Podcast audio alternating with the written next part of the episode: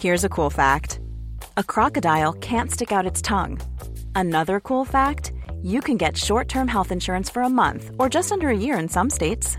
United Healthcare short term insurance plans are designed for people who are between jobs, coming off their parents' plan, or turning a side hustle into a full time gig.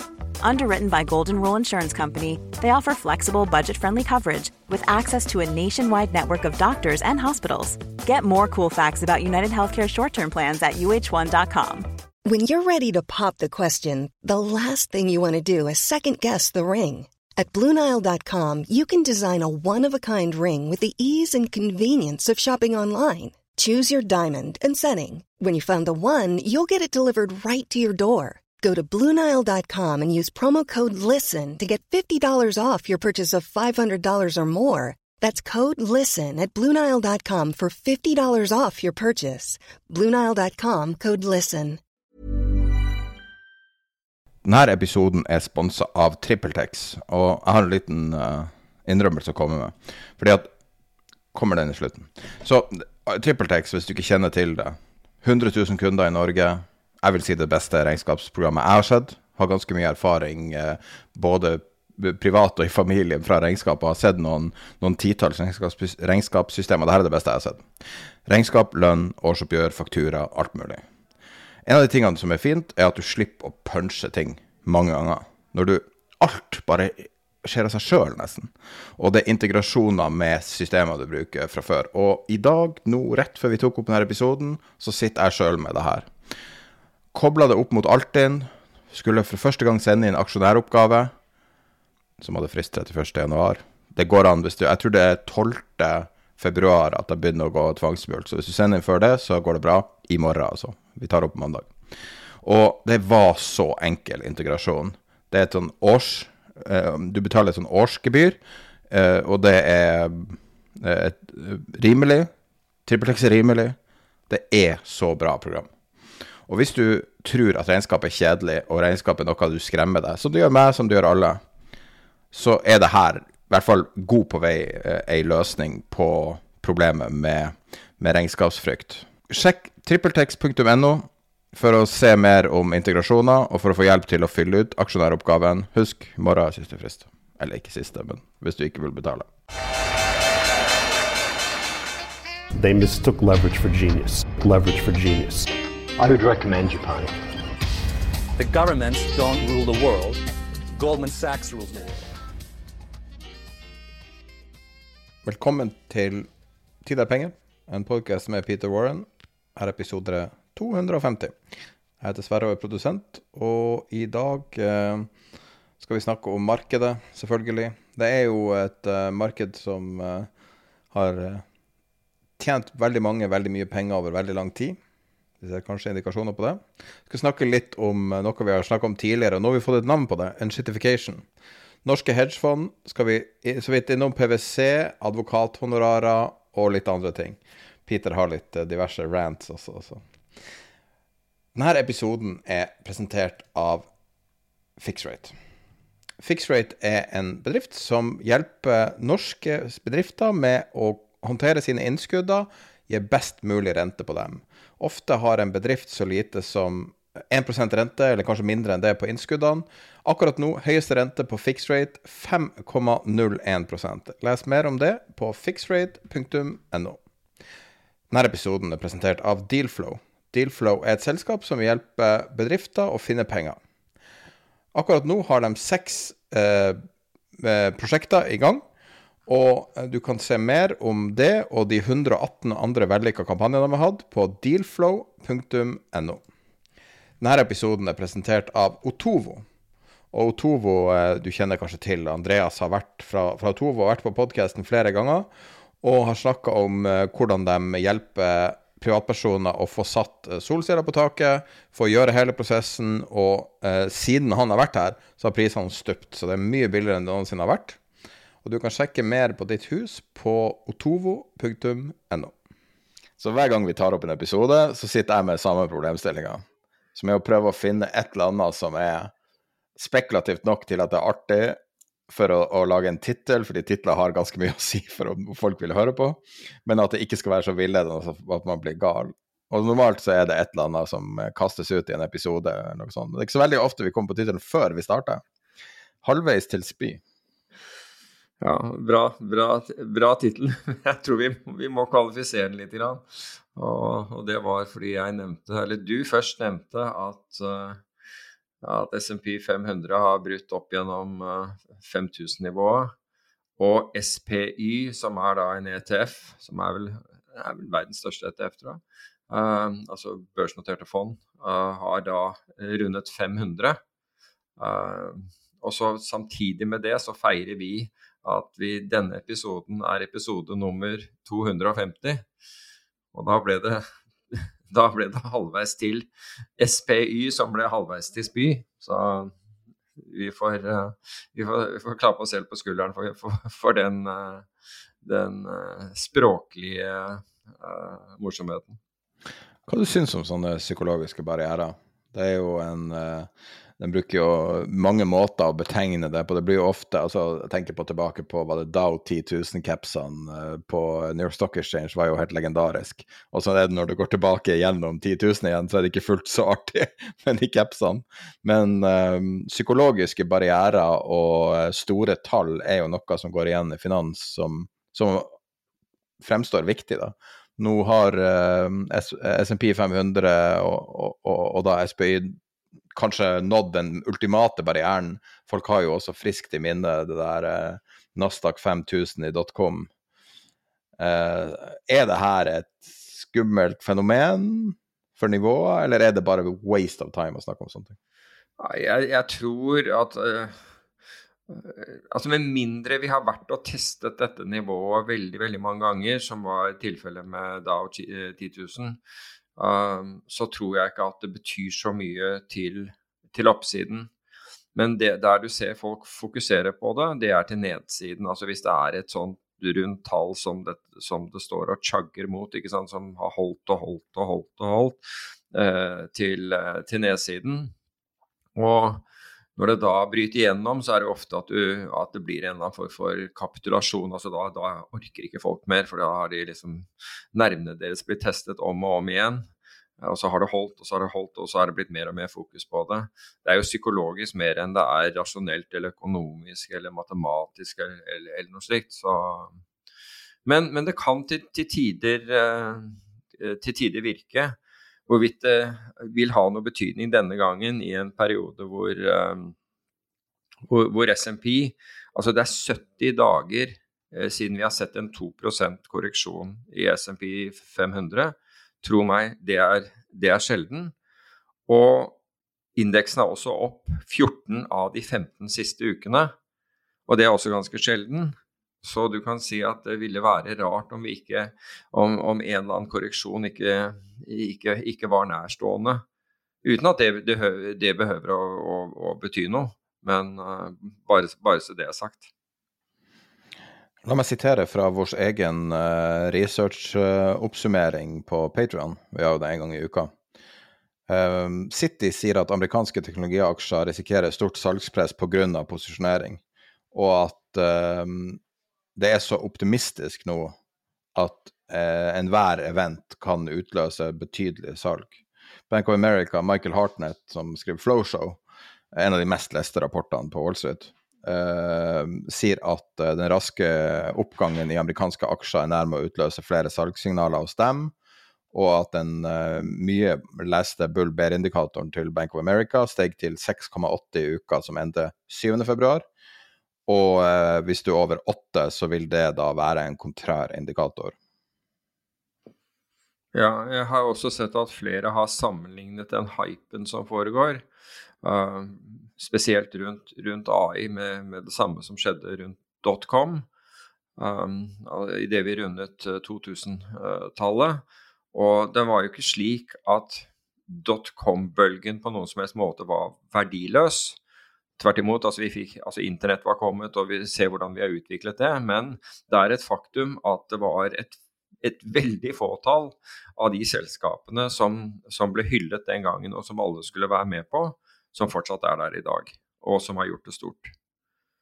Så det, dette, er, dette, er, menneskelig natur som, uh, uh, animal spirits, som, som, det heter, som er i uh, som, som, drifter markedet, og som driver markedet for tiden. Og det er jo Det er jo altså, vi, vi, snakket om i, forrige gang at Eller vi var inne på dette her med, med, med hva som liksom drev hypen.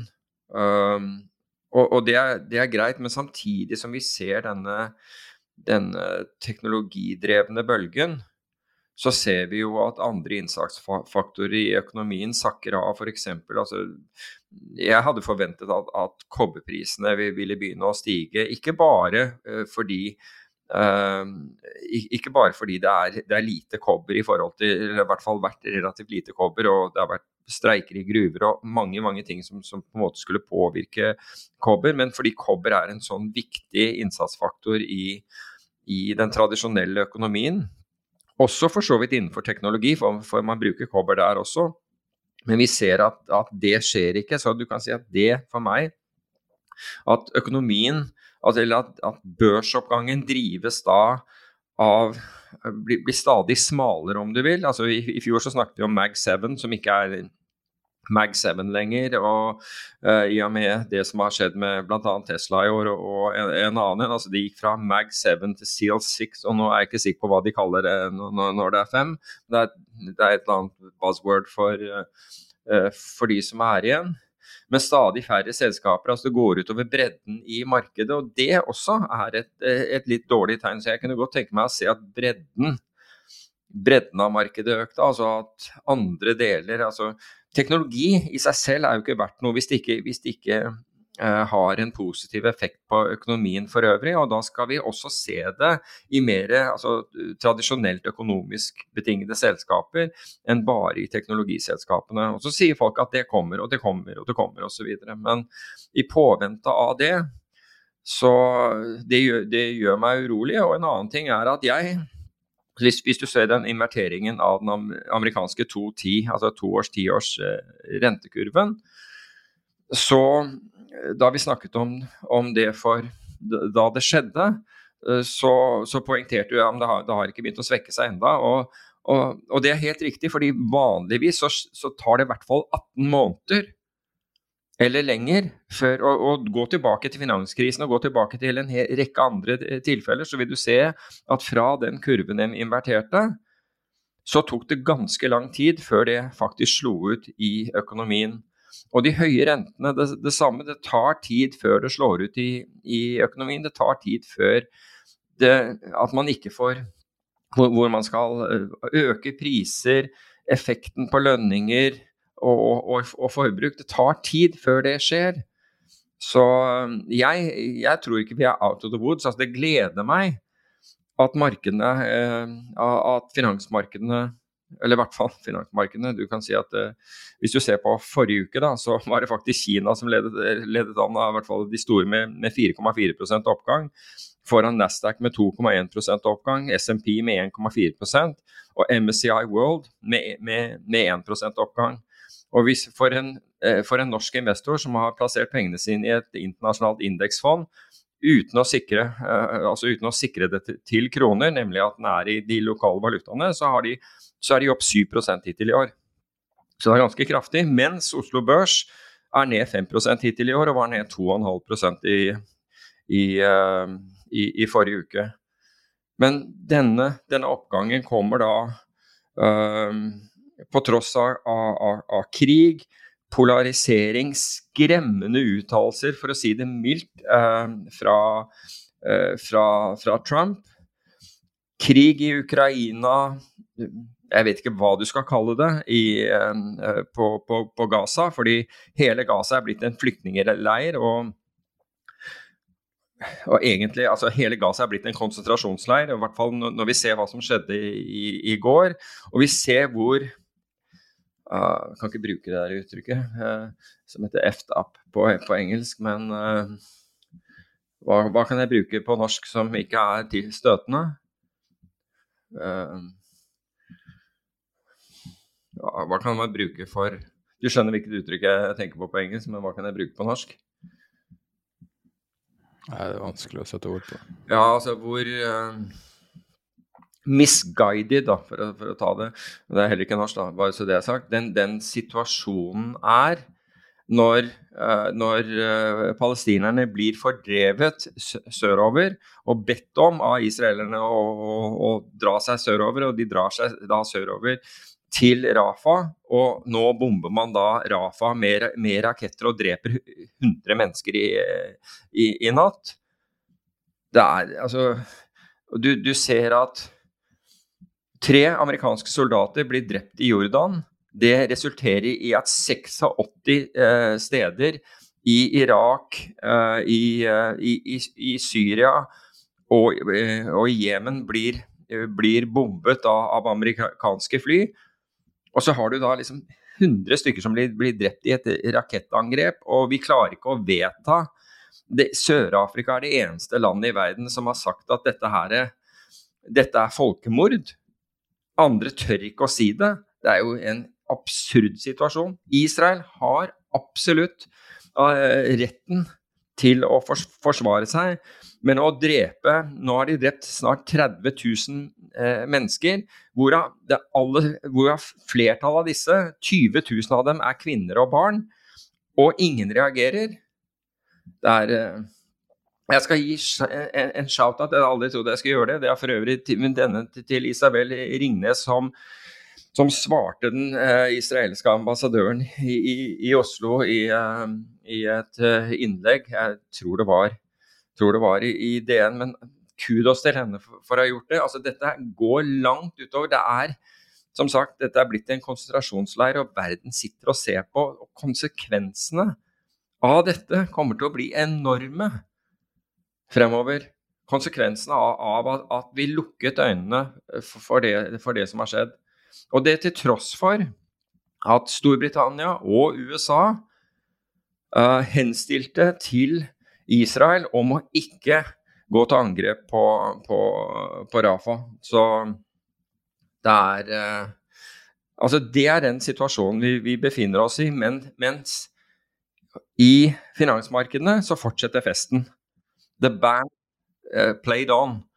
Så jeg tror var en tittelen på en film fra, fra, fra 1993 som ikke, ikke ta helt feil, egentlig handlet om aids, men det er en helt annen sak. Men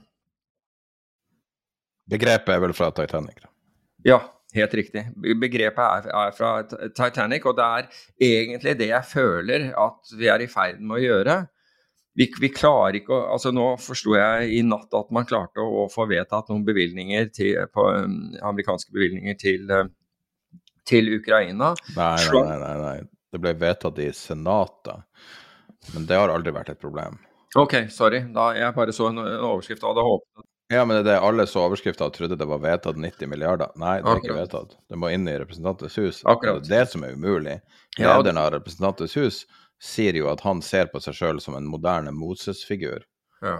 Så så er de. Ja, så rasjonell er han. Men kan vi Også, gå tilbake til noe du sa, fordi at du, nå toucha du innom hele verden. Ja, jeg gjorde. Men det var én ting som sto veldig ut for meg, da. Så det er ikke for å være hjerteløs og, Nei, og ikke snakke om krig, men det er litt vanskelig. Jeg vet ikke hva man skal si, for det er så tragisk. Men du sa en annen ting. Ja, kom igjen. Du sa 18 måneder. Vet du ja. hvor lenge siden det er? Det vet du selvfølgelig siden du sier det, men hvor lenge siden det er det kryssa over? Altså at det inverterte? Nei, det må vel være noe bortimot 19 måneder siden. Ja, akkurat, ikke sant, så Ca. 5.-6. juli 2022. Mm. Inverterte 2.10. Da ble så. det dyrere å låne langt Nei, dyrere å låne kort enn langt. Ja. Så um så, så, du kan si at det er først nå vi, vi skal begynne å se effektene av, av, dette her. Og veldig mye av det som skjer rundt omkring i verden nå, kan være inflatorisk. Altså, da tenker jeg på, på, på økte shippingrater. Um, blant annet. Altså, så, så, det er mange, mange faktorer her som kan gå motsatt vei av at vi skal få renten ned fort. Og jeg tror man har, eh, man har foregnet seg og, og det, det, det, virker nå som markedet har tatt, tatt, til seg også, at man har foregnet seg på eh, i forhold til optimi, optimismen i forhold til å få senket renten raskt. Du ser nå at lange renter har, har, har steget igjen, så, så, det virker som den der rusen over at noen sier at nå skal renten ned, og det, vi skal fem ganger, det skal ned eh, minst fem rentenedsettelser innen oss i, i, løpet av dette året osv. Nå, nå ser du at det er blitt mer, mer moderat, og at lange renter går opp for å stiger nettopp som et tegn på at dette her kommer ikke til, til å skje så fort. Så har du for eksempel, dette kom vel rett før, før weekend. McKinsey vurderer å si opp 3000 fordi de merker mindre etterspørsel etter deres tjenester. Det er liksom både, I deres tjenester ligger både gamle og, og ny økonomi, vil jeg tro. Altså, der har de jo blitt bøtelagt, og jeg husker ikke hvor mange. Det var, det var jo en solid bot. Du klarer sikkert å finne det der raskt. Som de fikk i forbindelse med, med det arbeidet de gjorde for å promo, promotere, for det var det de gjorde. De hjalp da farmas farmasiindustrien med argumentet for at de fortsatt skulle, at de skulle kunne pøse ut opiater. Men at the end of the day har de, har de fått færre kunder på basis av det? Jeg, jeg tror ikke det. Ikke de eh, rådga eh, eh, Purdue Pharma, som var, sto bak eh, Oxycontin, ja. Ja. om hvordan de skulle sitat, turbocharge sales av Oxycontin. Ja. Der de eh, foreslo strategier hvordan de skulle kontre emosjonelle eh, messages fra mødre som eh, har tenåringer som har overdoser på Oxycontin. Ikke ja. helt løst. Og når de ikke klarer å tjene penger, tenk deg hvem som ikke klarer å tjene penger da. Men, men du kan si at alt vi, vi, vi, snakker så fint om ESG, og der har du G-en, altså governance, i, i, dette her, som folk gir beng i hvis det er penger i den, eh, i den andre enden. Og så har du da eh, altså én, for, for, for, å ta den. altså uh, Nå skal jeg ikke ta hele rekka, men altså ta, ta klima. Altså Så snart vi ser noen tiltak virke, så kommer grådigheten frem, og vi skal heve skattene, altså som f.eks. på, på elbiler. Og, og, og, var liksom ordentlig trøkk i, i, i, riktig retning, men så nei, så hopper, hopper vi av det. Og det kan godt hende, så, som Ola Borten Moe sier, og jeg tror han på det, at klimamålene i utgangspunktet Han mener at de, var, at de er urealistiske. Kan godt hende at, at, det er riktig, men det betyr jo ikke at vi, at vi, skal slutte å jobbe i den retningen. Det kan ikke være sånn at, at vi først reagerer når, når folk oppe i Voksenkollen har strandeiendommer. Da er det litt seint. Da, da, liksom da har mye skjedd. Så på et eller annet tidspunkt må vi reagere, og, og det er du, Man blander egentlig klima Altså gode klimatiltak og, og gode ja, både, både, forutsetninger og, og, forventninger blir plutselig iblandet kortsiktige politiske eh, hensyn, og så blir det hele liksom impotent, det, det, man får ut av det. Så men du, men du, kan si i dette her, så, så Altså, man, man, blir lei av å høre fine ord og, og se lite handling, da. Og, og men det er noen plasser det går veldig bra. Ja. Tilbake til finans igjen. Bankmarginer. Ja, bankmarginer, ja. Men, er det bra? Det bare forteller deg at, at, at, at konkurransen ikke fungerer. Nå tror jeg at den har begynt å fungere. Og det, det, vi har, det, vi har, lest rundt Bulder Bank og andre, tyder jo på at konkurransen begynner å, å, å, fungere. Men den har ikke fungert til nå. Dette har myndighetene sittet og sett på hele tiden. Har ikke fungert, egentlig har ikke fungert. Hvorfor skal marginene øke? Jo, fordi dit, altså DNB er en er en, eh, en, en kapitalistisk bedrift som, som søker å, å, ta de høyeste marginene de kan. Hvilket det er egentlig de, de skal gjøre i forhold til si, sine aksjonærer. Men hvis ikke, hvis ikke konkurransen fungerer, så, så blir det allikevel feil. Altså, Hvorfor skal det være sånn at du kan ta enda Det, mer renten stiger, det, det, det, høyere belastning det er på samfunnet, det større marginer kan de beregne seg.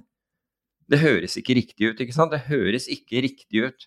Mens banker andre steder i verden jobber hardt for, for marginene, så ser det ut Så her renner inn penger, og det var tydelig på, på basis av um, uh, hvordan markedet mottok uh, resultatet, som jeg syns var knallgodt i, i, DNB, så var de faktisk skuffet over at de ikke hadde klart å, å dra til seg enda mer.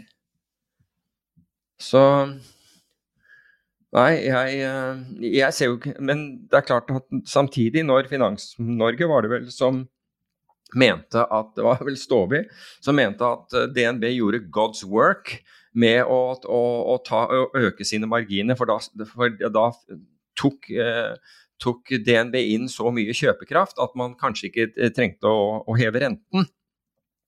Med andre ord at de mente at det var bedre at pengene gikk til DNB enn at, uh, enn at uh, Direkte enn at, enn at, uh, enn at Norges Bank hevet, hevet, renten. Det er sånn OK, jeg hører hva du sier. Mener at det er warped, men det er en annen sak. Kan vi snakke litt om kvartalstallene? Jeg har tatt opp eh, tidligere episoder og fulgt kanskje litt mer med med de her kvartalstallene jeg har gjort tidligere. Mm. Og en ting som jeg syns Jeg har fulgt kvartalspresentasjoner more or less siden 2008, i, i, større og mindre grad. og det er jo ofte som Altså dem som investerte sånn, er jo utrolig interessert, men hvis du er en generell person, så er det jo ofte ikke så interessant. Slår forventninger, slår ikke forventninger, osv. Normalt så er jo forventningen det som man ser på, og litt sånn varierende fra selskap til selskap hva man fokuserer på, men, men stort sett slår det forventninger, så blir det belønna i aksjemarkedet, alle er fornøyd. Denne gangen er det ikke sånn. Og vi ser Nå ser jeg jo på USA, da, men de her store selskapene, eh, f.eks. Uber, da. Uber er profitabel. Mm. Fullårsprofitabel for første gang. De har eh, kom, kom, på en måte i mål og har blitt da det man kan kalle quality growth, eh, der de ikke trenger å finansiere seg opp presumptivt. Eh, og, og, og, det er veldig bra for dem, og, og slo på alle punktene så vidt jeg kunne se, og ble straffa i markedet, i hvert fall umiddelbart. Og så har det flata ut og ikke vært noen reaksjon. Se på masse av de store selskapene som ikke gjør noe helt ekstremt så blir du straffa i markedet. Og dem som faktisk feiler, som Snapchat, hadde sin tredje verste dag noensinne og mm. falt mm. rundt 35% på en dag. Total slakt på en dag. Altså, tenk deg de verdiene som forsvinner på én dag. Og, uh, og, det var fordi at de viste svakhet. Men selv dem som viser styrke nå, er jo bare Altså, veldig merkelig sesong. Hva det betyr der? Har du sett det her før? Kjenner du intuitivt igjen den altså, følelsen? Altså, det er jo vanligvis, og jeg hater å, å, å si det fordi, fordi det blir, blir, oppfattet som negativt, men det er jo gjerne noe du ser i, når markedene er i ferd med å toppe ut.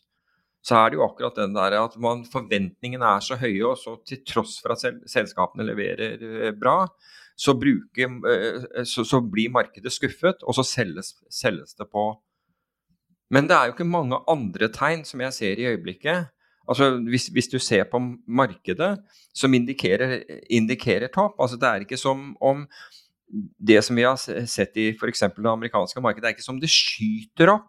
Altså Det går jevnt, det er, det er, små bevegelser eh, hver eneste dag. Det er ikke en sånn der sinnssyk akselerasjon til oppsiden. Men hvis du ser på indeksen, tenker jeg nå på fordi det er jo når, når du ser den der akselerasjonen, da, kommer det, da får du ofte stor medieoppmerksomhet.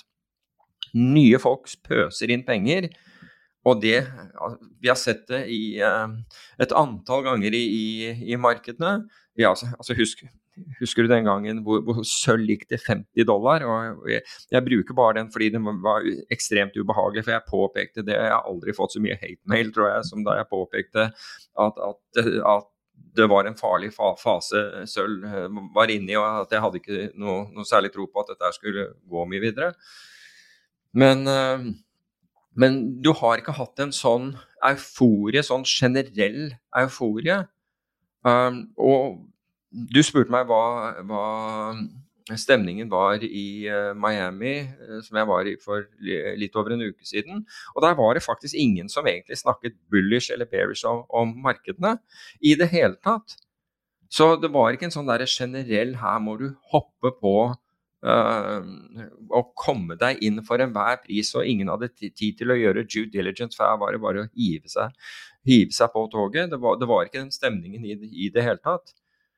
Så, så det, det, mangler noen sånne knagger i, i, forhold til det. Men jeg ser jo at markedene reagerer sånn som du, uh, sånn som du uh, sier. Og, og, så har du dette med 2-10-inverteringen og alt mulig sånt som ligger i, i bakhodet. Og, men, NYCB. Ja, for, ja, OK, la oss snakke om den. Nei, men altså, nei, hvis du hadde et resonnement videre, så Nei, Men- altså, nei, snakk om det, så skal jeg fortelle deg hva resonnementet mitt er rundt den, hvis du vil. Men, eh, men uh... Vi har jo ikke tatt det opp. Jeg syns det er litt dumt at vi ikke tok det opp forrige gang. og Det Ja. har vært har pågått en stund nå. New York Community Bank Corp, en bank ingen hadde hørt om uh, med inngangen på året, vil jeg tro. Uh, det er jo tusenvis av banker i USA. En liten lokal bank. Og har uh, kollapsa på børs og blitt veldig volatil og blitt en, en tradingfavoritt pga. det. Uh, Knytta til deres portefølje av næringseiendom, som har generelt slitt veldig mye i USA. Slitt i Tyskland også, for så vidt. Men eh, Og eh, det som er det store spørsmålet her, da, er jo er det her banken i seg sjøl? Er det noe spesielt med deres portefølje? Eller deres eh, kultur, eller whatever, sånn som det var med Silicon Valley Bank, f.eks. Veldig unik bank, eh, egentlig globalt. Um, så uh, Morgan Stanley sier at, um, at den siste uka så har de fått utrolig mye spørsmål fra kunder om akkurat dette problemet og på næringseiendom. Og uh, dem og alle sammen er forsiktige med det her, men sier hele tida igjen det at vi er, vi er bekymra for næringseiendom på enkelte punkter. Så ingen som har lyst til å blåse i fløyta på næringseiendom, men det er jo helt åpenbart at det er systemproblemer med det her. Næringseiendom er jo en sånn ting som har vært en regional bankfavoritt. Du går ikke nødvendigvis ut Nå ser vi jo masse obligasjoner, f.eks., som utstedes. Eh, historisk sett har det her vært banker som tar den risken. Eh, Barclays derimot mener at dette er helt uproblematisk, sier at dette er idiosyncratic, og det ikke indikerer noe eh, problem med banksystemet. Men man kan jo også si at hvis du ser på den uh, ettervirkninga av uh, Silicon Valley Bank, hva liksom fundingkostnadene til regionale banker, da basically alt utenom JP Morgan, Goldman Sachs, alle de store, så ser du at det, det henta seg ikke inn etter Silicon Valley Bank. Det ble en spread, og den har vedlikeholdt til nå. Så definitivt er det noe som priser risken til regionale banker høyere enn uh, snittet. Ja, jeg er ikke uenig uh, med deg der. Og tilbake til det du, du sa innledningsvis, at uh, få eller ingen hadde hørt om, om NYCB før, før, dette året begynte. Og det minner meg litt Altså, idet du sa det, så, så, tenkte jeg på subprime. Og da subprime-krisen begynte, som var, som var triggeren til finanskrisen, så så tror jeg at jeg tar i hvis jeg sier at det var tre mennesker i Norge som visste hva subprime var. Kan ikke du fortelle den der anekdoten uten å si hvem det gjelder? Jo, det kan, jo, det, det kan jeg godt gjøre. Og, så da den, den krisen begynte, og man begynte å, å, å, å snakke om, om, subprime, og man forsto at hva dette her var, så, så får jeg da eh, tele, telefon fra kjent person innen finans. Uh, som da spurte meg om jeg, om jeg ikke kunne gå om, For det første om jeg visste hva, hva, hva subprime var, det, det, gjorde jeg. Og om jeg ikke kunne gå igjennom hva dette her var, uh, og, for, og, forklare hva, hva dette besto av. Så gjorde jeg det, og så spurte jeg hva er det er i anledning Jo, han skulle på, vedkommende skulle på Dagsrevyen og, og, og, snakke om dette som, som ekspert. Uh, da tenkte jeg den, den er ikke dum. Men altså så så ukjent var den delen av det norske, eh, unnskyld, det amerikanske altså kapitalstrukturen, og i hvert fall dette med subprime, som, som behøver ikke bare å gjelde, eh, gjelde boligeiendommer, men, men, det er vanligvis det, det vi, de, de vi refererer til når, når subprime-begrepet brukes. Så det Altså, jeg, jeg fikk jo litt sånn jeg følte litt at varselklokken kom på når du sa at ingen hadde hørt om For jeg, jeg hadde heller ikke hørt om NYCB uh, forut for, uh, forut for uh, disse nyhetsmeldingene om at, at, banken er i vanskeligheter. Trekker jeg en, en, en, parallell? Altså jeg føler at det, altså i, i forhold til det der at du ikke Altså som regel når the shit really hits the fan, så kommer det jo fordi ingen følger med på et eller annet, eller ingen har, har tenkt på et eller annet. Sånn som f.eks. subprime. Og dette ville være et eksempel på det. Men hvorfor jeg ikke tror at dette, eller håper at uh, dette ikke er et eksempel på det, er hvor raskt eh, den amerikanske eh, sentralbanken reagerte på Silicon Valley Bank for å stoppe Altså, det var uhyggelig, det som skjedde der. Det kunne ha veltet finansmarkedene lett. Det innså sentralbanken og tok umiddelbare grep absolutt umiddelbare grep. Så jeg tror at hvis dette her eh, ser ut til å utarte seg, så tror jeg, jeg vet ikke, for jeg vet ikke hvordan sentralbanken eh, tenker, vi har ikke hatt en ordentlig korreksjon i markedet på veldig lang tid nå, så, så er det min Så tror jeg egentlig at sentralbanken vil, vil reagere eh, noe tilsvarende, altså med andre ord tilsvarende av det man gjorde med Silicon Valley Bank. Men det er klart at hvis dette viser seg å være noe annet enn idiosynkratisk, som du er inne på, at andre begynner å gå samtidig, så kan du plutselig få en situasjon som er utenfor det som sentralbanken kan håndtere, i hvert fall på egen hånd, hvis du skjønner hva jeg mener. Altså, da må det, på, på lik linje med finanskrisen, da, da, må du opp på politisk nivå før du kan fatte eh, tiltak. Så men foreløpig så, så, så, velger jeg å, å, å, se på det som et enkeltstående, et enkeltstående et eh, tilfelle hvor jeg tror at Fed vil backstoppe hvis, hvis dette, her går, hvis dette virker, eh, viser seg at det utarter seg.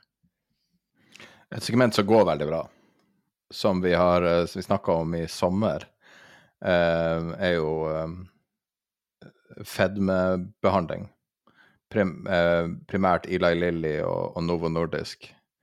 Um, Eli Lilly hadde tall i forrige uke og eh, leverte egentlig på hele linja. Og, og, og, det mest utrolige, kanskje, er at det som ble snakka om Jeg husker Goldman var tidlig ute med en analyse. De snakka om de var bekymra for salget av potetgull osv. Og, og tenkte det er det dummeste jeg har hørt i mitt liv. Liksom. Hvor, hvor, hvor mye kan det og så sier han eh, eh CEO-en i Novo Nordisk på Bloomberg i forrige uke, så sier han at a couple of CEOs from say food companies have been calling me, uh, uh, og da skal spørre om medisin, uh, fedmemedisin, they're scared about it. Det er signifikant, altså. Dette er snakk ja. om de største selskapene på jorda, i hvert fall i omsetning. Mm som er redd for at folk ikke skal spise seg i hjel. Det ja. ja. altså at fedme er et problem, det, det, det, ser du i hvert fall hvis du besøker USA, for å si det. På, den måten. på en måte innrømmer de jo, ikke at de gjør det offisielt, men på en måte innrømmer de jo at, at maten er på en måte som, som, dop. Så hvis du klarer å skru av den dopfaktoren i hodet, som er jo det på en måte det her gjør, den gjør at du ikke overspiser. Det er jo på, på en måte det den mm. medisinene men gjør. Mat, men maten blir jo Altså, du er inne på det. Altså, mat kan bli behandlet som dop i, i hjernen din. Det er helt riktig.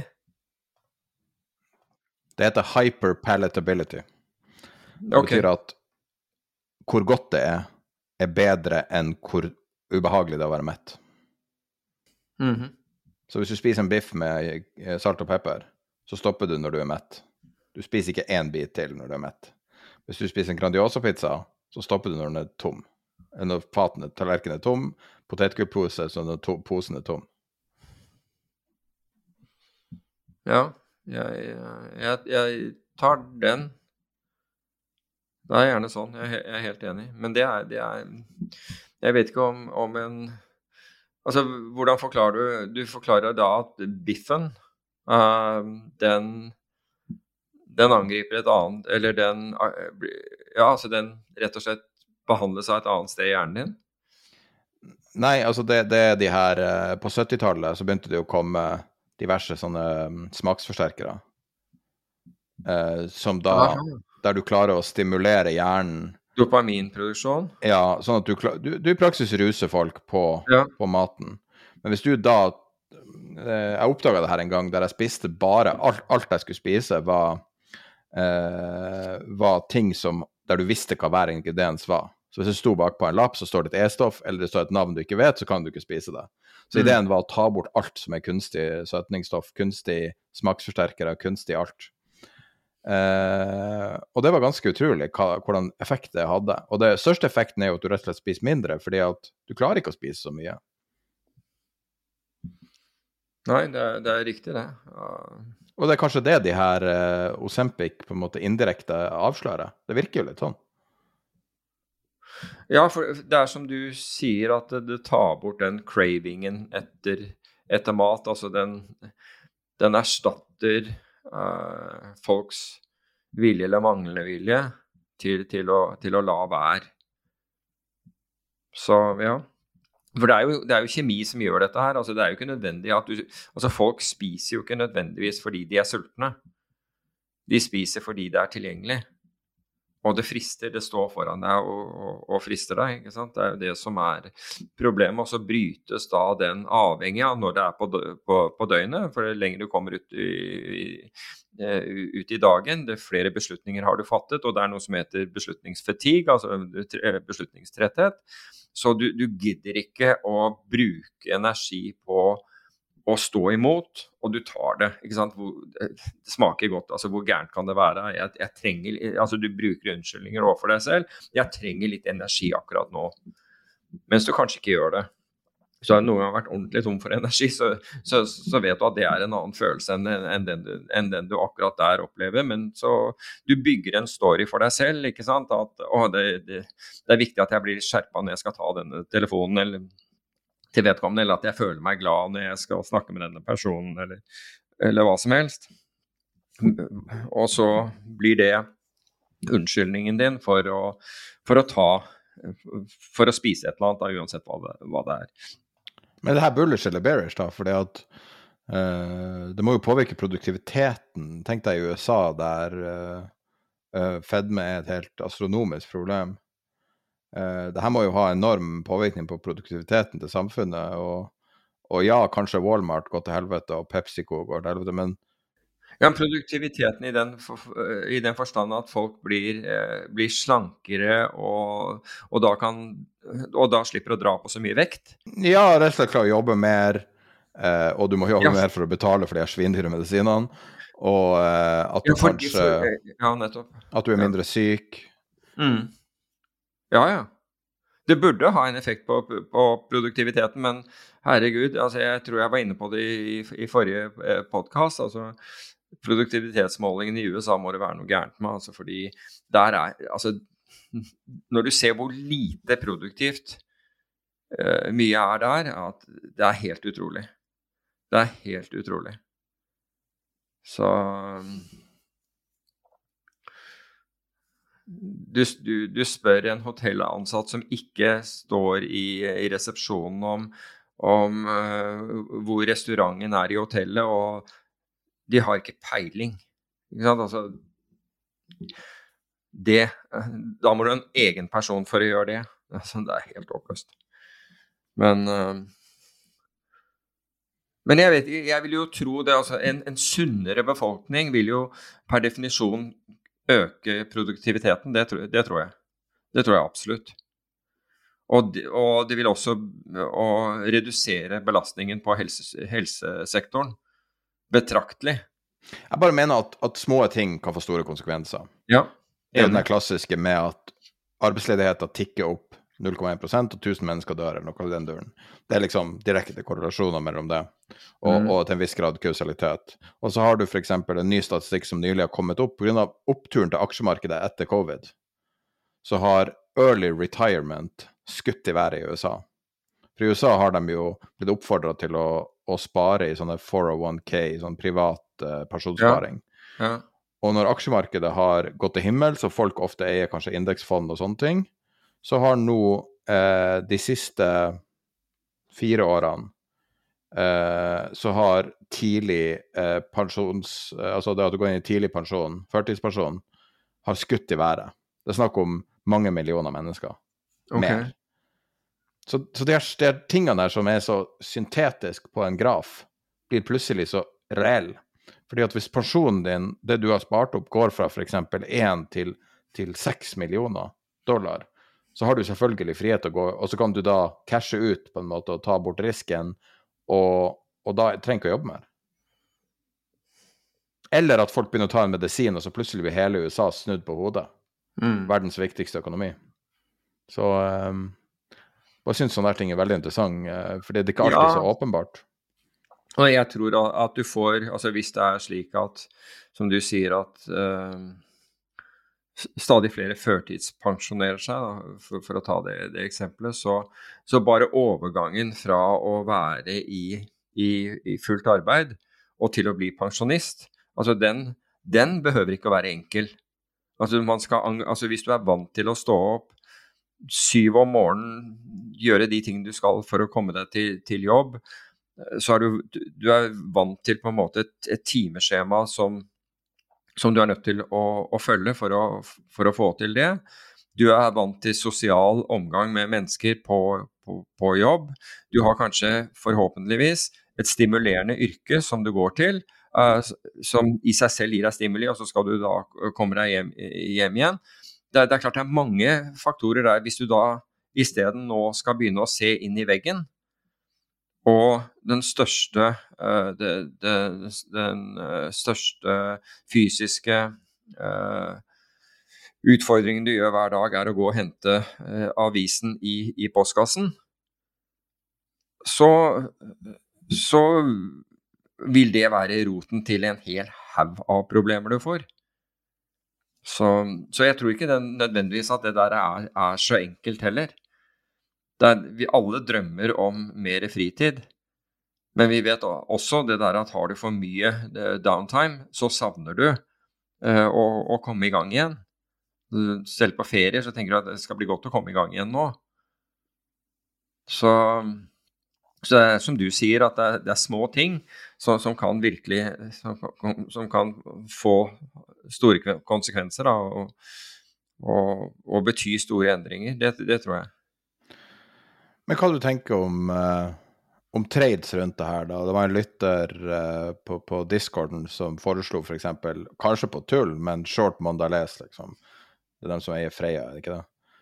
Og er det, er det så signifikant? Eller at Altså, kan det her ha så store innvirkninger? Eller, eller blir det sånn Pareto-prinsippet at eh, 20% av kundene eh, kjøper 80% av sjokoladen, og, og hvis de blir tatt, så, så blir de hardt ramma? Det, det, det er interessant. Det her er liksom sånne ting, Da jeg hørte det første gangen, tenkte jeg det er det dummeste jeg noen gang har hørt. Og så, det... når du begynner å se nå at det faktisk har slått ut De analysene har tilsynelatende slått ut, bare et halvt år senere. Ja, har de det? Ja, så de sier jo noe, altså Novo Nordisk sier jo at Bekrefter jo det, at, at når, når en sjef i et matforetak er redd, så må det være noe han ser. Det kan ikke bare være sånn Ok, jeg, okay, jeg har ikke fulgt dette her eh, nok, men det er jo interessant data for å se. Fordi det, det er jo typisk sekundæreffekter ikke sant, som, som kan være interessante. Men de sekundære in- in- in- eh, vil jo, som jeg nevnte, være på, på helseindustrien. Eh, fordi altså ved, å ta, Det er greit at du tar det, dette middelet, men det kan da for, forhindre at du må ta alle mulige andre midler, inkludert la kanskje blodtrykksmedisin, og det reduserer diabetes og, og, og sånne ting. Plutselig får det en, en, en stor effekt der, men at det også da får, eller naturlig nok får en, en effekt hvis det blir så uh, suksessfullt som, uh, som du antyder, og som, som mye tyder på at du har rett, for det ser du på, på økningen. Så skulle det bare mangle om det ikke får andre effekter. Men kanskje Pareto-prinsippet, som du sier, eh, at, at det er det som, eh, som gjelder f.eks. når det gjelder søtsaker og sjokolade og den type ting. Og det er at det er, som, ja, det er 20 av de som spiser det, som står for, som, som står for den, den aller vesentlige delen av, av konsumet. Jeg vet ikke, men det er artig å sjekke. Så, sånne ting er jo, er jo spennende å drive og forske på, faktisk. Enig. Nevøen min uh, likte et sånn trashy TV-program som heter et eller annet sånn her uh, 600 Pound Sisters, eller et eller annet sånt på TLC. Sånn ordentlig trashy amerikansk TV. Uh, og den var begge helt abnorm stor. Og nå eh, fikk jeg tilsendt et bilde av han da, der de er blitt liksom helt normale. Og kanskje det er den vi Altså, vi har på en måte tatt for gitt siden 70-tallet, eh, der på en måte alle var normalvektige. Og så begynte den revolusjonen med, med mat og skje, der man klarte å skvise og få folk til å bare ville spise mer og mer og mer. Kanskje det er snudd? Kanskje det her er et sånn her skikkelig sånn eh, skille, sånn i strek i sanda? Ja, mulig. Men, men, jeg ser jo dette her som et hjelpetiltak eh, overfor mennesker som ikke klarer å, å få redusert vekten sin fra, fra en, altså en overnaturlig vekt, altså for en for høy vekt, til en normal vekt, på, på, på en sunn og normal måte. Altså de, de fleste kan eh, endre litt på, litt på, kostholdet sitt og øke eh, mengden av mosjon de får, og så får de eh, gode eh, så får de gode resultater av det. Så jeg håper jo at det er de som virkelig trenger dette her, altså de som har en eller annen form for, for sykdom eller ikke kan bevege seg så mye, eller et eller annet sånt som, som først og fremst får gleden av, av, av, disse medikamentene, og at det ikke blir en unnskyldning for ikke, for, for ikke gå en tur på kvelden, eller uh, gå en tur i skogen i Nordmarka på, i løpet av helgen, eller et eller annet sånt. Så jeg håper jo virkelig det, fordi hvis du hvis det gjør at, at folk ikke f.eks. mosjonerer mindre eller slutter å mosjonere, så får vi andre problemer igjen. Så da bare forskyver vi problemet. Uh, så Men jeg får jo inntrykk av det lille jeg leste, Du satte meg liksom på, den, eh, på, på ideen rundt dette og, for, og forklarte det og, det og, og, dermed så begynner jeg å legge merke til artikler om det. Og jeg får jo inntrykk av at det er en del som bruker dette som en erstatning fra, fra å gå på, på, helsestudio og andre ting, fordi det, trenger ikke å gjøre det. Nå kan jeg bare gjøre det, eh, ta dette her. og eh, jeg kan til og med komme ut med nesten økonomisk gevinst. Nå vet jeg ikke hva, hva, disse midlene koster, men så vidt jeg har forstått, så koster det ganske mye å, å ta. Jeg leste at det koster 30 000 i året i Norge på hvit resept. Oi. Og det var jo det som var casen opprinnelig, hvis du husker når jeg pitcha det til deg der jeg sa at det her var interessant uh, som, ja. som, en sånn forretningsmessig idé, um, så var det jo fordi at den artikkelen jeg hadde lest, så sto det at du kan aldri slutte med det. tenkte jeg ok, det her er den perfekte medisinen. Du går ned i vekt, og du er helt bundet til dem til evig tid. Så business case, umoralsk som det er, så så um, men kan du, er det, er det sant? Altså, du kan Det var det det var opprinnelig, altså det var i sommer. Uh, det er jo veldig mye strid om hvor bra det funker. Det er strid om at det tar fett eller, eller muskl muskulatur.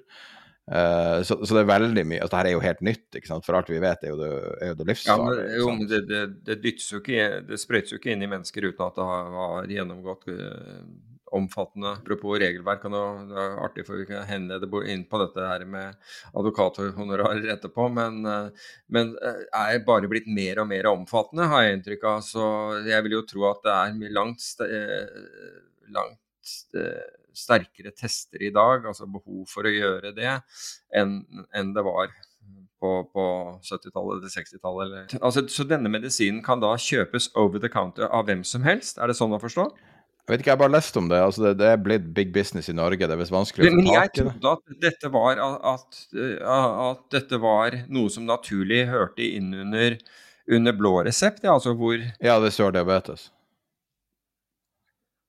Kun hvis du har diabetes? Det er to varianter. Den ene er primært en diabetesmedisin som brukes off-label som uh, fedmebehandling, og så har du den andre som er primært gjort for å behandle fedme. Begge er i praksis ganske like. Jo, men, men, folk kan, altså, hva jeg mener er at folk kan ha medisinske utfordringer som gjør at de, eh, at de uh, legger på seg.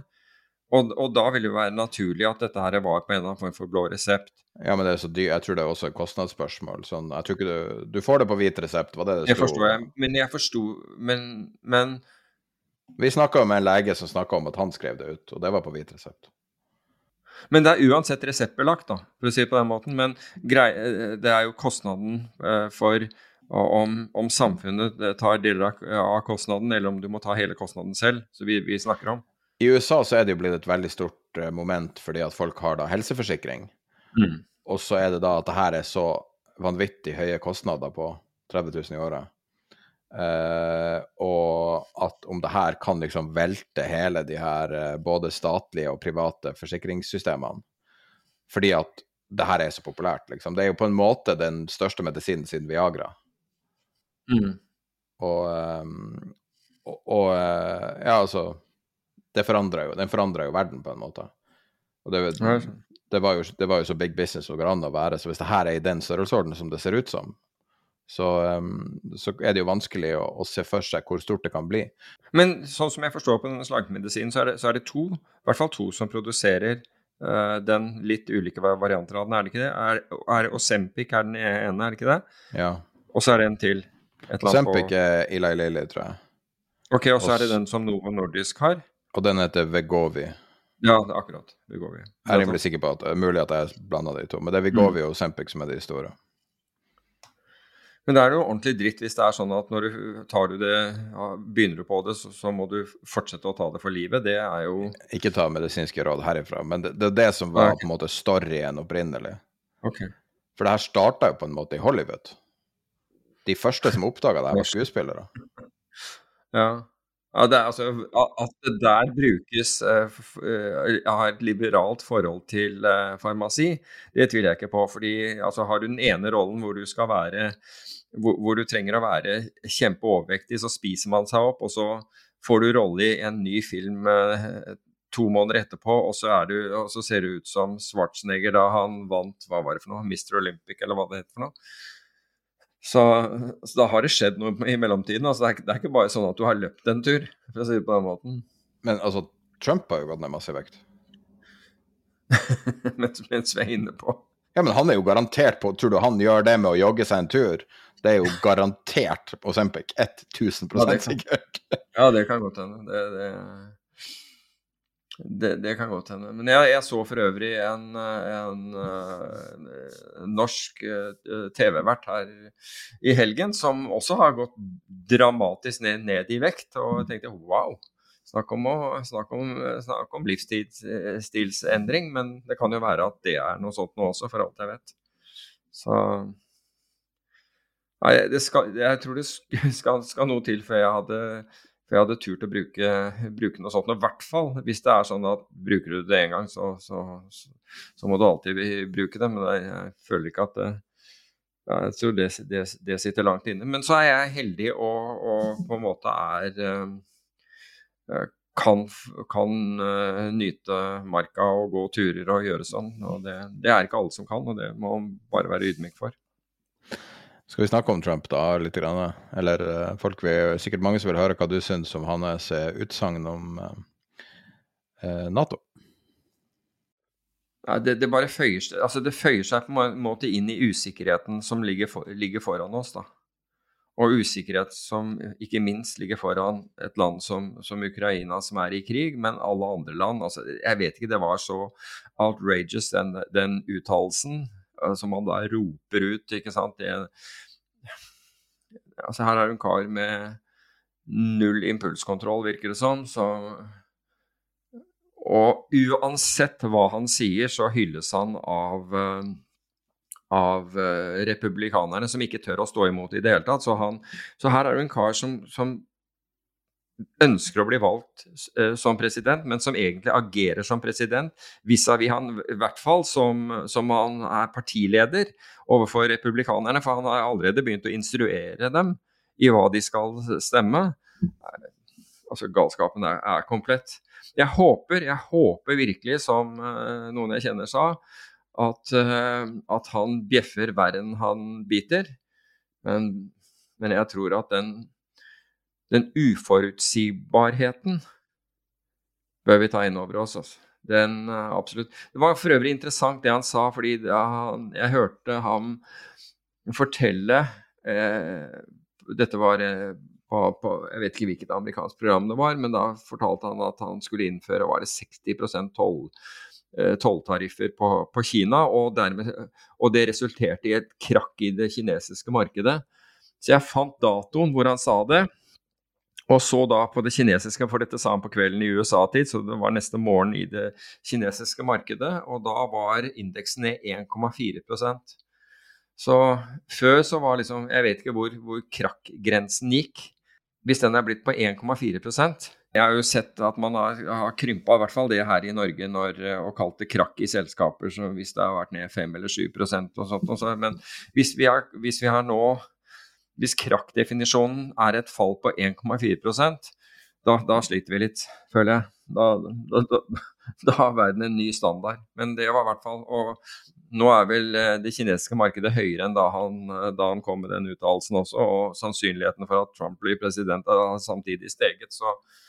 Men det kalte han et krakk. Han sa for øvrig at marked, det amerikanske markedet ville krasje hvis dersom eh, Joe Biden ble president i, i forrige valg. Og det siste jeg fikk med meg, var at vi var på all time high, men det er en annen sak. Men det nevnes ikke. Det er sikkert, det er sikkert bare fake news uh, hvis, hvis han blir konfrontert med det. Men det, jeg husker den uttalelsen. For øvrig, i det amerikanske markedet, hvis vi bare går gjennom tallene fra forrige uke, da, for å være innom det, Galaxy, altså denne kryptoinvesteringsbanken til uh, Mike Novogratz, var opp 23% i forrige uke. Bulkrater, og der er det en ETF som man kan kjøpe, altså en, et børsnotert fond, var opp 11% Og deretter så kommer nemlig Bitcoin-ETF-en, IBIT, den var opp 10% i forrige uke. Så med bitcoin rett under 48 000 dollar, eh, så er, så er ikke det, det, så rart. Men uh, den, den, slår nå kraftig tilbake. For øvrig så er Grayscale fortsatt suverent det største, hva, jeg kan se, i, um, i, uh, blant disse ETF-ene. Uh, og så var uh, Block den uh, eh, ETF-en for blockchain, som da består av selskaper som bidrar til å utvikle uh, blokkjeden, den var også opp 10% Så det var ganske brukbart innenfor den sektoren, pluss, som jeg nevnte, bulk. På nedsiden var det vi liker at skal falle i, i pris, og det var, det var strøm. Altså Nordisk Kraft for levering i annet kvartal, det var ned 11 eh, Amerikansk naturgass var ned 11% Og eh, karbonsertifikater i Europa var ned 8% Og den siste går tilbake til det vi snakket om eh, innledningsvis. Altså dette med kobberprisene holder seg lave. altså Du ser ikke den økonomiske aktiviteten. Og det, og det er akkurat begrunnelsen som man bruker for Eh, fallet i karbonprisene, det er mindre, eh, eh, mindre, aktivitet i industrien. Så det er jo bra holdt jeg på å si, at, at, man forurenser mindre, men det er et dårlig tegn når det gjelder eh, produktivitet og, og, vekst. Det var egentlig det jeg hadde om, om, om markedet i forrige uke, hvis ikke du ja, så Russell 2000, da, disse småselskapene eller min, hva kalles small cap-selskapene i USA, som, eh, som, har lagget veldig kraftig. Uh, SMP 500-indeksen osv. Den, den var opp 2,6% i forrige uke. Store vinneren forrige uke var jo Palantir, da. Ja. Det er jo litt sånn depressivt. ja. Liksom, hvis djevelen skulle finne opp et selskap, så hadde det vel vært Palantir, kanskje. Ja. Innenfor forsvarsindustrien og overvåkning. Ja, enig. Ja, nei da. Det, men Nvidia fortsetter å kjøre. Folk prøver å calle toppen på Nvidia. Det, det virker å være et fokus for mange. Altså det som, er, det som jeg syns er positivt, er at hvis du er nervøs, for disse, disse, tingene. Og jeg må innrømme jeg er nervøs, men det er for jeg ser geopolitisk på det. Jeg er en makroanalytiker i utgangspunktet, og det gjør meg nervøs å se at det er en så stor avstand mellom den, uh, utviklingen i finansmarkedene og det som på en måte skjer omflades, eh, ellers i, i verden. Så er forsikring veldig billig. For volatiliteten er lav, og du kan kjøpe deg forsikring ve ve veldig billig. Og jeg så på altså, Hvis du ønsket å, å, å sikre deg eh, altså nå i eh, det nærmeste forfallet, altså store forfallet i f.eks. i amerikanske aksjemarkedet, SMP-opsjonene, er i mars. Og Hvis du ønsker å sikre deg til nesen Det koster 1% å ha retten til å selge, eh, selge markedet der hvor futuren er i øyeblikket, som er over der hvor cashmarkedet er, pga. Rente, rentekostnaden. Det, det er 1% for en at the money put-opsjon. Og det er 0,1% for en fem delta put-opsjon. Så, så du kan si at forsikring er på billigsalg hvis du hvis du eh, er, er redd, enten redd for, for porteføljen din og, eller skulle være svært, svært negativ. Så det er på en måte ingen unnskyldning, føler jeg, da, at hvis du er en aktiv investor og, og er engstelig, altså hvis du, er, hvis du har investert i indeksfond og du har og du sparer til pensjonen og du har ti pluss år og Eh, i, i, tidshorisont, så vil jeg ikke være altså, da, da, trenger du ikke å være bekymret altså, i, i, det hele tatt. Bekymringen er de som har kort tidshorisont. Og hvorfor har du kort tidshorisont? Jo, kanskje du, kanskje du blir pensjonist på, om, om, kort tid. Um, noe som betyr at utbetalingen til deg er ikke, den er ikke så langt unna. Da kan det være at man ønsker å, å beskytte seg. En annen årsak kan være at du er belånt, eller at du, har, du føler at du har for, for, store verdier av din totale eh, formue nå ligger eh, nå er avhengig av en videre oppgang i aksjemarkedet osv. Det, er, det er slike årsaker som kan gjøre det eh, interessant uh, for deg å beskytte deg. Da. Så er, kan, vil noen andre si om kan jeg ikke bare da selge? Jo, du kan gjøre det. Du kan selge en del av porteføljen din, du kan selge hele porteføljen. Du, du, har jo friheten til å gjøre det du vil, så det er også en mulighet, for all del. Hva du syns om uh, det der Økokrim-kjøret som har vært i det siste, der det virker som at Økokrim har henlagt alle saker? Ja, det er, altså, det er, jo ikke noe nytt i dette her. Jeg husker jeg snakket med en statsadvokat i, i, i Økokrim for mange år siden som forklarte meg nettopp altså, hvordan altså Det større sak, det, det, det, det, dyrere er den å føre for dem. Og hvis de taper den saken ikke sant, om å betale motpartens eh, saksomkostninger, så kan det bli vanvittig dyrt. Og det er klart at hvis de ikke har en økonomi, hvis de ikke man avsetter en økonomi til dette, altså at de økonomiske ressursene blir avgitt til til at de kan gjøre det, så er det en konsekvens av Da er de nødt til å velge mellom uh, sakene. Og da må de taktisk og strategisk tenke hvor stor sannsynlighet har vi for å vinne denne, denne saken? Skal vi føre den videre? Skal vi anke den? Osv. Det er jo Altså, hvis du har lite penger, og du, og du ikke får ekstrabevilgninger, så vil jo det være et spørsmål. Hvis mer bevilgninger gis til Økokrim, så er jeg temmelig sikker på at Økokrim vil også øke antall saker de, de, eh, de, de påtaler. Så det er jo litt Jeg, jeg tror ikke det, det, er det at Økokrim øh, mangler øh, ressurser. Altså, eller, altså menneskelige ressurser til, til, å gjøre dette. Det kan godt hende at de ikke har nok at, at de ikke har nok folk også, men jeg tror vi må som samfunn bestemme oss for om dette, er, om dette er viktig.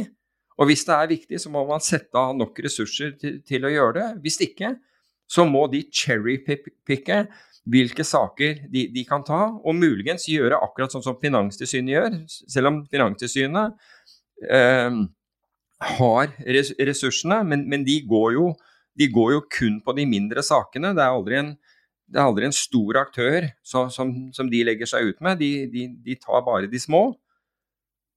Mens Økokrim gjør dette her rett og slett fordi de har ikke budsjetter til å gjennomføre Altså hvis de tar en stor sak, så kan det være at de må la være å ta 100 andre saker fordi den er så ressurskrevende økonomisk. Så det, det vil jo være en sånn taktisk og strategisk avgjørelse som, som må gjøres. Da. Og, og at the end of the day så er det jo politikerne som på en måte legger føringene for, for dette. For, for, for, hva som skal prioriteres i, i samfunnet av, av, fra, fra, politiets side. Så det er, det er, jo ikke bra. Men jeg, jeg må, må, jo si det derre Jeg så at en av toppene i PwC rykker ut mot Økokrim. Um, og sa at uh, de hadde en, uh, gitt dem en sak på, på, sølvfat, hvor alt var ferdig, som, uh, som da Økokrim henla. og ikke gjorde noe med. Da kan jeg si for egen del at jeg var med på å levere en sak til nettopp PwC på sølvfat med fullstendig dokumentasjon. Alt var dokumentert. På, på, på et, et, selskap hvor det var, var gjort mange underslag. Og vedkommende hos, hos, PwC, get this one, vedkommende hos PwC som tok imot saken, han kom fra Økokrim før, før, hadde, før han blitt ansatt i, i, PwC. Og de gjorde ingenting med saken. Og her var den dokumentert med en svær ringperm hvor alt var dokumentert. Og dette var, var et, et selskap som da PwC var revisor for. Gjorde ingenting. Så jeg tror PwC skal være litt sånn der De sitter litt i glasshus når, når de begynner å, å, å, hive stein mot, mot Økokrim, bare, bare, eh, så det er sagt.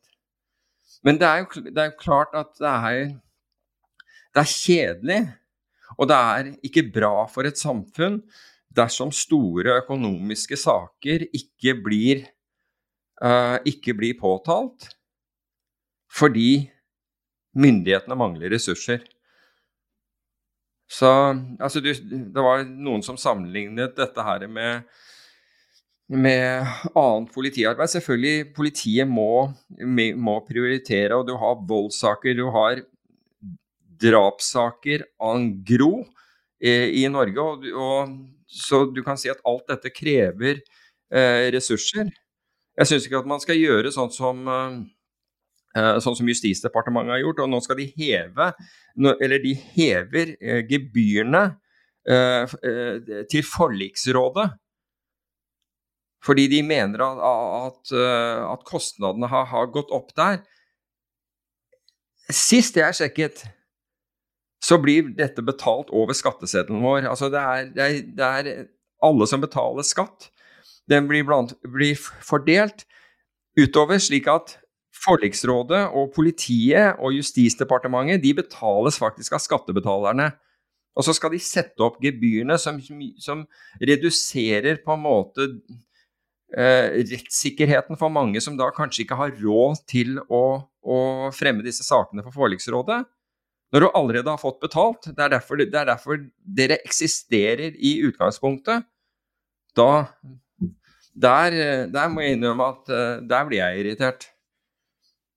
Og så kan vi ta det der fra videre, og fordi nå har det jo Det var jo den der Wilhelmsen-saken med 40 millioner, eh, hvor advokatene tjente 40 millioner for fem, fem ukers arbeid, og det, det blir jo eh, altså 800 000 kroner per uke er jo ganske heftig. Det blir jo 37 millioner kroner i året. Altså hvis du trekker fra hvis du trekker fra, fra fem uh, ferieuker. Det er ganske heftig betalt, ville, ville jeg sagt. Og så kan du lure på hvordan hvordan er vi kommet hit? Altså, vi har begynt å få amerikanske tilstander som kostnadene ved å føre en sak er så høye at det rett og slett svekker demokratiet. Det gjør at kun de mest velstående kan, kan, gjøre det. Og hvis de da gjør det mot noen som da ikke har, har penger, så er jo så, så, er jo de menneskene Har jo de allerede, allerede tapt. Det er enorme forskjeller. Det har aldri vært høyere på forretningsadvokater eh, og, og, og de som eh, praktiserer strafferett. Så Og hvorfor er dette? Jo, da må vi tilbake til finanskrisen, for det er der det, det hele greia virkelig begynner. fordi da øser det inn med nye reguleringer. altså Da pøser myndighetene på med kompliserte regelverker, lover og, og, regelverk, lover og forskrifter. Og det er jo en av årsakene til at etterspørselen etter advokattjenester når du tidligere kunne lese noe, skjønne hva det gjaldt, og sende inn formular eller hva som helst nå, så trenger du plutselig å ansette advokater for, for å gjøre det. Og det er jo, det er jo galskap. Så, så, man burde jo sende man burde jo, altså, og det, det er jeg sikker på de, de, gjør, altså de forskjellige advokatkontorene må jo, må jo sende blomster og sjokolade hvert år til Justisdepartementet og Finansdepartementet og de andre de departementene som gjør regelverkene så uendelig kompliserte. Og bare pøse på. Apropos Trump, han er, jo, han er jo en kar som faktisk deregulerer. Han vil jo ha bort mye av, av uh, reguleringen, så det er jo en av de Han betaler heller ikke advokatregningen? Så. Nei, han betaler heller ikke det, for det, det betales av, uh, av, de som støtter han i, i, i, valgkampen. For øvrig så har de jo brukt uh, i, Det hørte jeg, var det 538 som sa at han hadde anledning til å bruke 10% fordi 10% av, av de midlene du får inn til eh, advokatkostnader, men har brukt vesentlig mer. Jeg tror ikke reglene gjelder for han, så jeg vet ikke om det er så viktig. Nei, ingen regler gjelder for han. Det er jo fake news alt sammen. Så, men, eh, men, men, du kan si at ting er blitt så komplisert at du er nødt til å ha advokater til å gjøre det. Og advokater er mellommenn, det er ikke de som produserer. Så igjen så går det utover altså de som er gründere, flytter til Sveits men altså, de som ble igjen, de må da ha De må betale høye kostnader. Så de får stadig mindre. De som skaper, får stadig mindre penger. Fordi mer og mer går til mellommannsapparatet. Og hvis ingen syns at det er noe gærent i det, altså nå med unntak av at advokater og selvfølgelig meglere ikke syns at det er noe gærent i det, og konsulenter syns heller, heller ikke det, men for alle oss andre så burde, eh, burde varselklokkene ringe. Det gjelder myndigheter også. For snakk om å gjøre ting mer kostbart, da. Og når da honorarene Nå har, eh, nå har uh, DN hatt en sånn fleresiders uh, eller, sak om, om Skjøtt.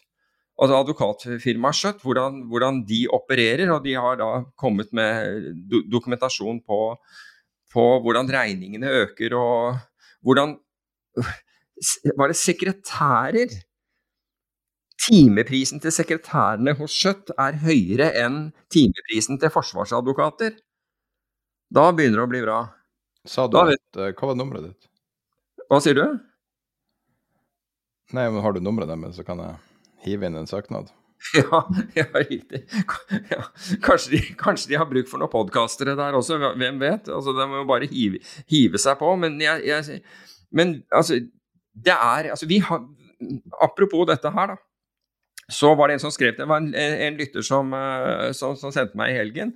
og han, eh, der er det, De er noen studenter som, som studerer rettsvitenskap, og som, vil, som ser dette problemet ser den vanvittige kostnadsutviklingen dette her har, og vil bl.a. bruke AI til å eh, eh, i, i, med hensikt på, på, å få redusert advokatkostnadene. For de ser at dette er en trussel mot, mot demokratiet på mange måter.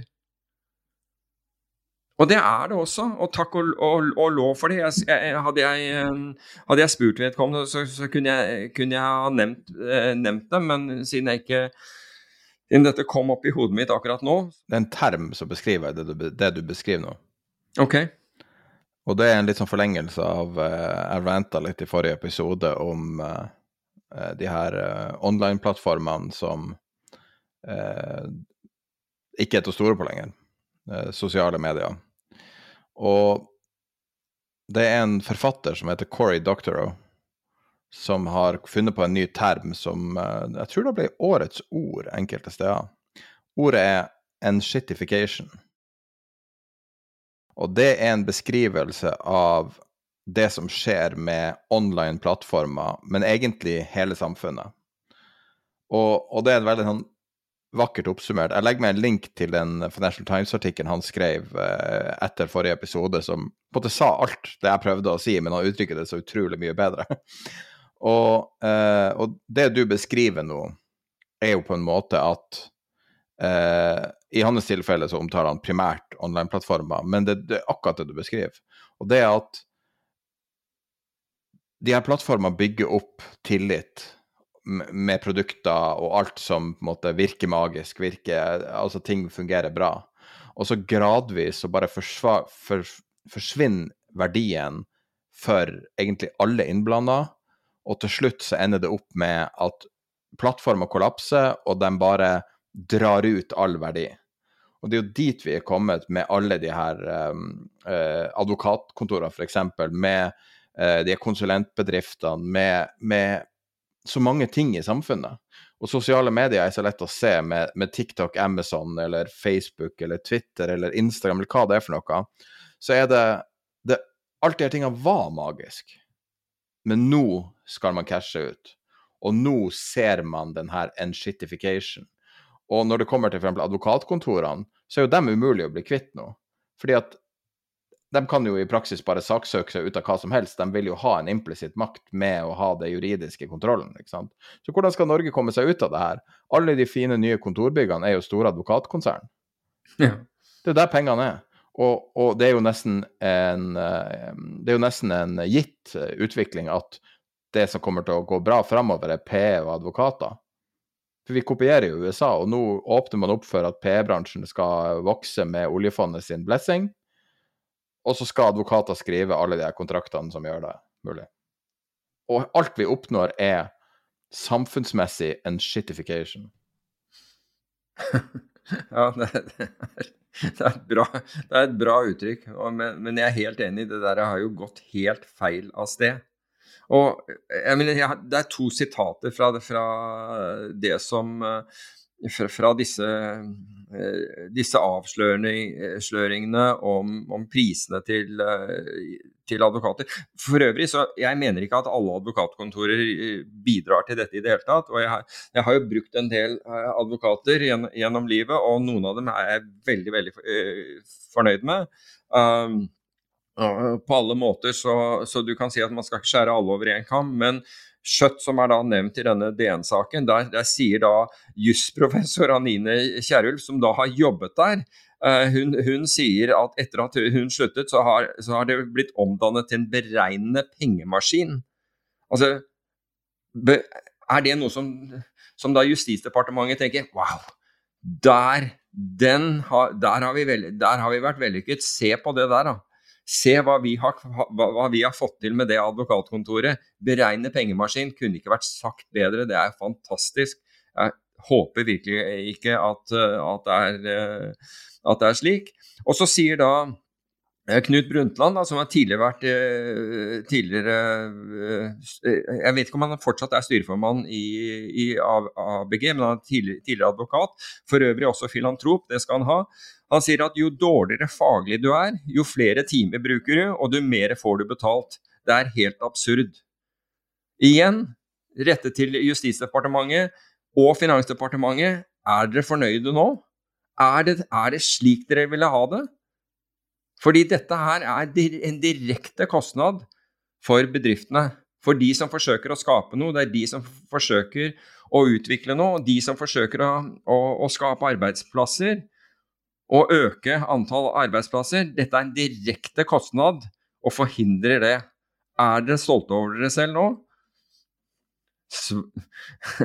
Svar anytime. En shitification er et godt uttrykk. Mm. Men han skriver jo det, dette primært om, uh, om, teknologibransjen og altså Ja, Men han, han, mener det for hele samfunnet. Ja, ok. Altså, Men denne artikkelen handler om det. Akkurat. Jeg har lest artikkelen. Um, men, men, det er der han liksom først og fremst Altså, han påpeker med eksempler eh, fra, fra, fra, teknologibransjen, og da særlig fra, fra den delen som, som, facer publikum, altså type meta, altså Facebook, Instagram, altså hvordan de For så vidt X også, for, det, for den saks skyld. Uh, hvordan de uh, Det plager meg at du kaller det med det nye navnet. Ja, det er første gang. Nei, det er det ikke. Du har gjort det flere ganger. Ja, men da har jeg brukt Twitter også. Antageligvis gjør jeg det fordi de, de tok bort den derre Hva heter det for noe? Det plagiatet. Uh, på lørdag. ja, sånn. men du opplevde jo en shitification. Det var jo akkurat det du hadde nå i helga. Der en eller annen tosk utgir seg for å være der for tredje eller fjerde gang.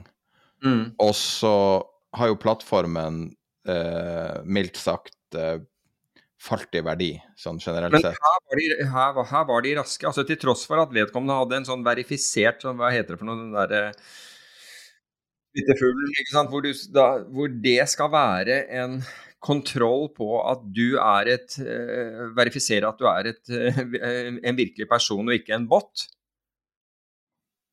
Ja, men den har jo, det har jo ikke den funksjonen lenger. Nå Nei. betyr det bare at du betaler penger. Å ja, jeg trodde at det var Å ja, det visste jeg ikke. Jeg trodde at det var det som var uh, At det var, var, det som var forskjellen, ja. Men i, i, hvert fall så ja. Og så da driver og DM-er alle som alle følger osv. Ja, det er helt forferdelig det der. Og det er jo selvfølgelig, altså, jeg mener jo at, at, det er noe du burde tenke. Ja, det er liksom Det er jo tegn på at du har en større profil, og det er dessverre noe du må gjennom. Uh, jo mer kjent man er, jo mer folk prøver å skamme og alt mulig. Ja. Uh, men det er jo samtidig unektelig veldig negativt. da. Men, men det finnes jo heldigvis fortsatt metoder å stoppe det. Men denne gangen her var, de var, var uh, Twitter slash X raske ut, ut med å, å, å, ta grep, da. Ja, Men du opplevde en shitification sjøl? Ja, og det er ikke Ja. ja. Jeg, var, jeg, tenkte ikke på det som, uh, som det, må jeg innrømme. Altså, jeg oppfatter en shitification som at man, man styrer Altså at uh, Hva skal jeg si Plattformprodusenten, eller den som eier plattformen, gir deg stadig dårligere innhold. Ja. Det er jo he hele poenget at uh, det blir tydeligere og tydeligere at det er du som er produktet, på en måte at du skal tømmes. Du skal uh, holdes etter anklene og ristes helt til småpenger detter ut av lomma di. Ja, jeg, jeg, jeg, ser den, og vi har jo snakket om det i noen podkaster nå, hvordan, hvordan, jeg mener at innholdet er blitt, uh, blitt dårligere og, og, dårligere. LinkedIn er en bra erstatning.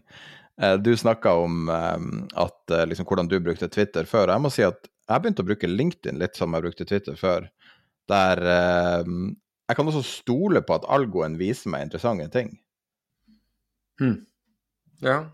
Jeg, jeg, er ikke så aktiv der, men jeg ser jo i hvert fall når det gjelder utenlandske uh, forbindelser som man har, så bruker jo de altså så kommuniserer, kommuniserer, de veldig ofte. altså Hvis de ikke sender deg en e-mail, og hvis det er noe som haster, så, så bruker de LinkedIn. Jeg syns uh, Nei, det, det, er det motsatte av inshetification, syns jeg. Right. Men skal vi uh, runde av uh, denne episoden? Det kan vi gjøre. Jeg har jo også det... en veldig big shot i morgen, da. Satser på at det intervjuet går bra. Ja. Krysser fingrene. det har vært rimelig mye prepp før den tida. Men Der har, der har lytterne noe, noe å se frem til. Absolutt. Den kommer på Patron denne uka hvis alt går i orden. Men det er ikke garantert at alt går i orden. Det vet man aldri. Vet som det er, karer. Men da er vi tilbake neste uke. Yes. Ha en fin uke.